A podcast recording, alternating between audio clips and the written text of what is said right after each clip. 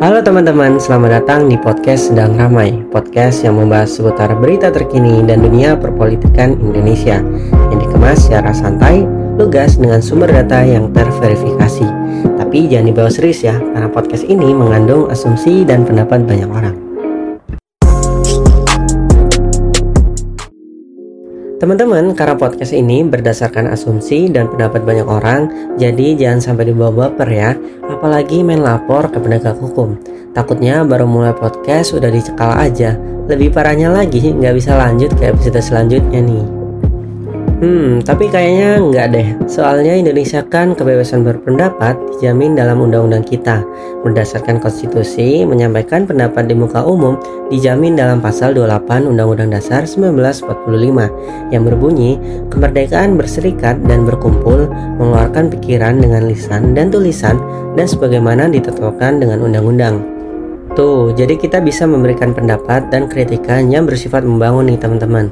Presiden Jokowi aja ketika berbicara di sidang tahunan MPR 2019 lalu mengatakan tidak alergi terhadap kritikan.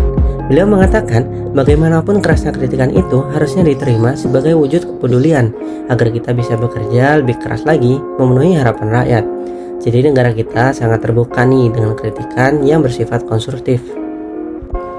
Yuk sekarang masuk ke bagian awal nih Karena podcast ini membahas seputar berita dan politik Jadi terlebih dahulu aku akan memberikan update berita terkini selama sepekan kemarin Berita pertama datang dari Jerin SID Pembawa narasi ID Kacang WHO itu kini difonis satu tahun dua bulan penjara oleh Majelis Hakim Pengadilan Negeri Denpasar Bali.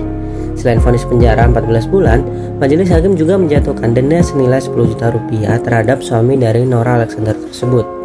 Jerin dinyatakan bersalah atas unggahan yang menyebutkan Ikatan Dokter Indonesia atau IDI sebagai kacung WHO. Katanya sih yang memberatkan Foni Jerin adalah unggahan tentang IDI kacung WHO itu membuat semangat dokter menurun. Sedangkan yang meringankan Jerin, berlaku dan semangat Jerin untuk membantu masyarakat Bali seperti memberikan makanan gratis, memberikan masker, dan tentunya membantu warga yang terdampak akibat COVID-19. Tapi sebelumnya banyak juga kok yang membela Jerin, salah satunya dari influencer muda dan relawan COVID-19, Dr. Tirta. Dia memberikan dukungan kepada Jerin melalui media sosialnya. Dr. Tirta juga katanya ikut dalam sidang pleidoy 10 November lalu sebagai upaya terakhir agar bisa membebaskan Jerin atau meringankan vonis tersebut. Kabar kedua datang dari tanah Papua.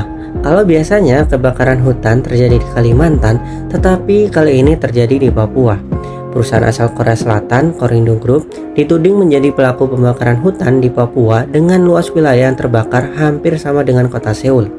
Tagar Save Papua dan tagar Korea Selatan trending di media sosial Twitter Indonesia. Jika biasanya yang berkaitan dengan Korea Selatan adalah K-pop, kali ini tagar ini justru terkait dengan kasus hutan di Papua yang dibakar. Korindo Group sendiri, perusahaan asal Korea Selatan yang dituding menjadi penyebab kebakaran hutan tersebut. Warganet sampai heboh dengan kasus ini karena luas hutan yang dianggap sengaja dibakar mencapai 57.000 hektar. Lahan tersebut ada di wilayah Boven, Digoel, serta Merauke. Tujuan dari pembakaran hutan ini demi membuka lahan untuk menjadikannya kebun kelapa sawit. Greenpeace menyebut pembukaan lahan dengan cara membakar hutan ini termasuk melanggar hukum, tepatnya UU Perkebunan dan UU Perlindungan dan Pengelolaan Lingkungan Hidup atau PPLH. Miris juga ya teman-teman, hutan di Kalimantan aja sudah mulai habis oleh pengembang proyek. Eh, ini hutan Papua juga mau dibabat juga. Hmm, ya udah lanjut ke berita terakhir. Yang lagi ramai minggu lalu adalah Anies Baswedan dan Ridwan Kamil yang disentil pemerintah terkait kerumunan yang beberapa hari belakangan terjadi di negeri ini. Pasalnya, perpanjangan konflik ini dikarenakan dugaan terjadinya pelanggaran protokol kesehatan. Selain masa tersangkanya, polisi menuding Gubernur DKI Jakarta Anies Baswedan dan Gubernur Jawa Barat Ridwan Kamil dalam memperbolehkan kerumunan massa di tempat mereka memimpin. Lokasinya adalah Petamburan, Jakarta untuk Anies Baswedan, sementara untuk Ridwan Kamil yang akrab disapa Kang Emil ini adalah Megamendung Bogor. Untuk kasus Anies Baswedan, beliau dituding melakukan pembiaran kerumunan massa dan melanggar UU kekarantinaan kesehatan sehingga terjadi pelanggaran protokol kesehatan. Padahal Anies Baswedan sudah memberi hukuman kepada Habib Rizik sebesar 5 juta rupiah. Sedangkan untuk kasus Kang Emil, beliau diduga membiarkan massa berhimpun di Megamendung. Padahal dalam kasus Jawa Barat, kebijakan penanganan dilakukan oleh kepala daerah masing-masing, termasuk pemberian sanksi. Bupati Bogor, Ade Yasin sebetulnya sudah tidak memberikan izin kegiatan Rizik di Megamendung. Namun, masa tak menghiraukan dan tetap datang ke acara. Lalu bagaimana dengan Gubernur Jawa Tengah Ganjar Pramono? Diketahui sampai saat ini belum ada kejelasan apakah ada pemeriksaan atau tidak terkait kerumunan massa dalam acara Parade Banser di Banyumas. Padahal kegiatan Parade Merah Putih yang digelar pengurus cabang Gerakan Pemuda GP Ansor Kabupaten Banyumas, Jawa Tengah pada Minggu 15 November lalu juga melibatkan puluhan anggota Banser. Dan kegiatan itu tidak memperoleh izin. Tidak hanya itu, kampanye Pilgada Solo dan beberapa daerah lain juga melanggar protokol kesehatan. Di samping itu, ada pula Kliwon yang digelar Habib Lutfi bin Yahya pada 16 Oktober lalu, di mana acara ini dihadiri ribuan orang yang tak memakai masker dan tak menjaga jarak. Seharusnya pemanggilan polisi kepada gubernur-gubernur ini adil dan merata, tidak cenderung menjatuhkan nama baik seseorang. Karena jika tidak demikian, sama saja dengan memperlakukan absurd of power, sebagaimana yang dikatakan politisi Gerindra Fadlizon. Karena pemanggilan bersifat subjektif dan cenderung sewenang-wenang. Hmm, yang benar sih, gubernur itu tangan kedua pemerintah untuk menggerakkan daerah. Jadi harus siap-siap aja disentil oleh pemerintah. Tapi pemerintah juga harus berlaku adil. Itulah tiga berita yang sedang ramai pekan lalu. Yuk sekarang kita masuk ke pembahasan politik di Indonesia. Aku akan membahas seputar Habib Rizik. Sosok imam besar front pembela Islam ini memang menarik untuk diulas. Sejak Habib Rizik resmi pulang ke Indonesia, kepulangannya menjadi sebuah fenomena tersendiri nih. Kendati FPI sejak awal tidak pernah memberikan instruksi kepada anggotanya untuk menjemput dan menyambut Habib Rizik di bandara, namun tetap saja ada ribuan massa yang datang untuk menyambut sosok yang oleh para pengikutnya dianggap sebagai imam besar itu. Sejak pagi hari, masa FPI dan segenap pendukung serta simpatisan Habib Rizik sudah mulai menyemut menuju bandara. Ruas jalan menuju Bandara Soekarno-Hatta lumpuh total. Kemacetan parah terjadi karena jalan dipenuhi oleh massa yang datang untuk menjemput Habib Rizik itu. Terminal 3 Bandara Soekarno-Hatta tak butuh waktu lama untuk berubah menjadi selayaknya Bukit Arafah yang penuh oleh orang-orang berpakaian warna putih. Tak main-main, efek dari penuhnya Bandara Soekarno-Hatta oleh masa yang hadir untuk menyambut Habib Rizik itu membuat banyak penumpang tertahan di jalan tol sampai harus dijemput oleh petugas bandara menggunakan mobil patwal. Menurut Dirjen Perhubungan Udara, penuhnya Bandara Soekarno-Hatta ini oleh masa penjemput Habib Rizik membuat 28 penerbangan mengalami delay setidaknya 3-4 jam. Saat Habib Rizik pada akhirnya muncul di hadapan masa yang mungkin sudah tak sabar untuk menunggu kedatangannya, suasana langsung bergumuruh. Orang-orang berteriak memanggil-manggil nama Habib Rizik. Sang imam besar pun langsung memberikan orasi singkatnya.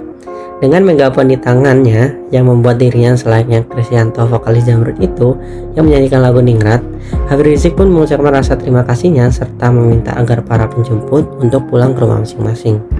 Hmm, setelah sampai di Indonesia, besoknya dia pun langsung membuat atensi publik naik dengan menggelar acara Maulid Nabi yang membuat kereman publik sehingga melanggar protokol kesehatan. Alhasil, beliau didenda 50 juta rupiah oleh Pemkot Kota Jakarta. Bukan cuma itu, beliau juga menggelar persepsi pernikahan anaknya Najwa Shihab yang kata-katanya membuat Polri dan jasa penuntut umum sampai melakukan gelar perkara untuk menindaklanjuti kasus keramaian yang disebabkan pernikahan Putri Habib Rizik itu. Tapi Gubernur DKI Jakarta juga ikut terseret nih katanya. Dimintain klarifikasi juga sih. Hmm, ya gitu deh. Buntut dari satu orang aja membuat sejumlah pihak dipanggil. Tapi katanya soal pernikahan Putri Habib Rizik itu sudah diatur dan sesuai protokol kesehatan.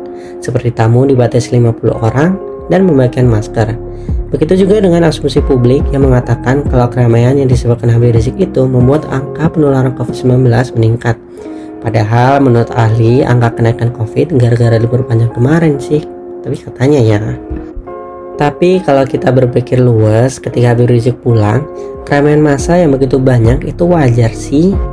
Pernah terjadi kok dalam sejarah. Sebenarnya apa yang bikin orang-orang merasa sebal atau sirik ketika Habib Rizik pulang sih? Jika jawabannya berupa kesehatan atau risiko munculnya klaster baru pandemi, hmm ya oke okay lah, itu kesebalan yang masih boleh-boleh aja. Masalahnya, di antara orang-orang yang sebal itu, kedapatan di antaranya para buzzer yang sama sekali tidak menyinggung persoalan kesehatan.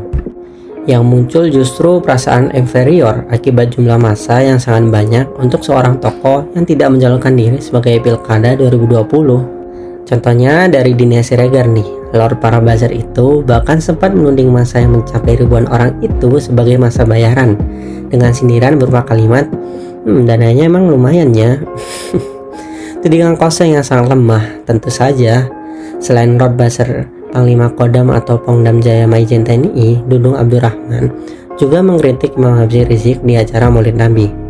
Dudung menilai perkataan Imam Besar Habib Rizik itu pada acara Maulid Nabi tidak mencerminkan seorang ustadz. Kata-kata yang dilontarkan pun kotor, membuat hati dia terluka karena jika karena dia juga seorang muslim. Dia juga berbicara kalau pencopotan baliho itu sesuai perintahnya karena pemasangan baliho tersebut tidak memakai atau tidak e, mendapat perizinan. Pangdam juga mengatakan akan menghajar siapa saja yang membuat keriuhan di Jakarta. Menurut laporan terbaru sih dari Kemendagri kalau FPI itu belum terdaftar sebagai ormas. Tetapi menanggapi pertanyaan ter, eh, menanggapi pernyataan tersebut, FPI tidak memperdulikan hal tersebut karena menilai sudah terdaftar enggaknya hanya mengharapkan uang negara aja sih. Sedangkan FPI dari dana mandiri. Ya memang Rizik dan pengikutnya tidak pernah absen dari layar kaca Indonesia. Setiap hari beritanya selalu muncul. Info terbaru usai menghadiri banyak kerumunan massa, Imam besar Front Pembela Islam ini, Rizik Syihab, diduga terpapar virus corona. Mengutip salah satu media ternama, katanya Rizik mengalami sakit setelah menikahkan anaknya. Sakitnya Rizik, ciri-cirinya seperti orang yang terkena gejala virus corona. Hal tersebut dibenarkan Kapolres Metro Jaya Pusat, Kombes Pol Heru Novianto, setelah perwakilannya menemui Rizik di kediamannya Jalan Pertamburan 3, Jakarta Pusat.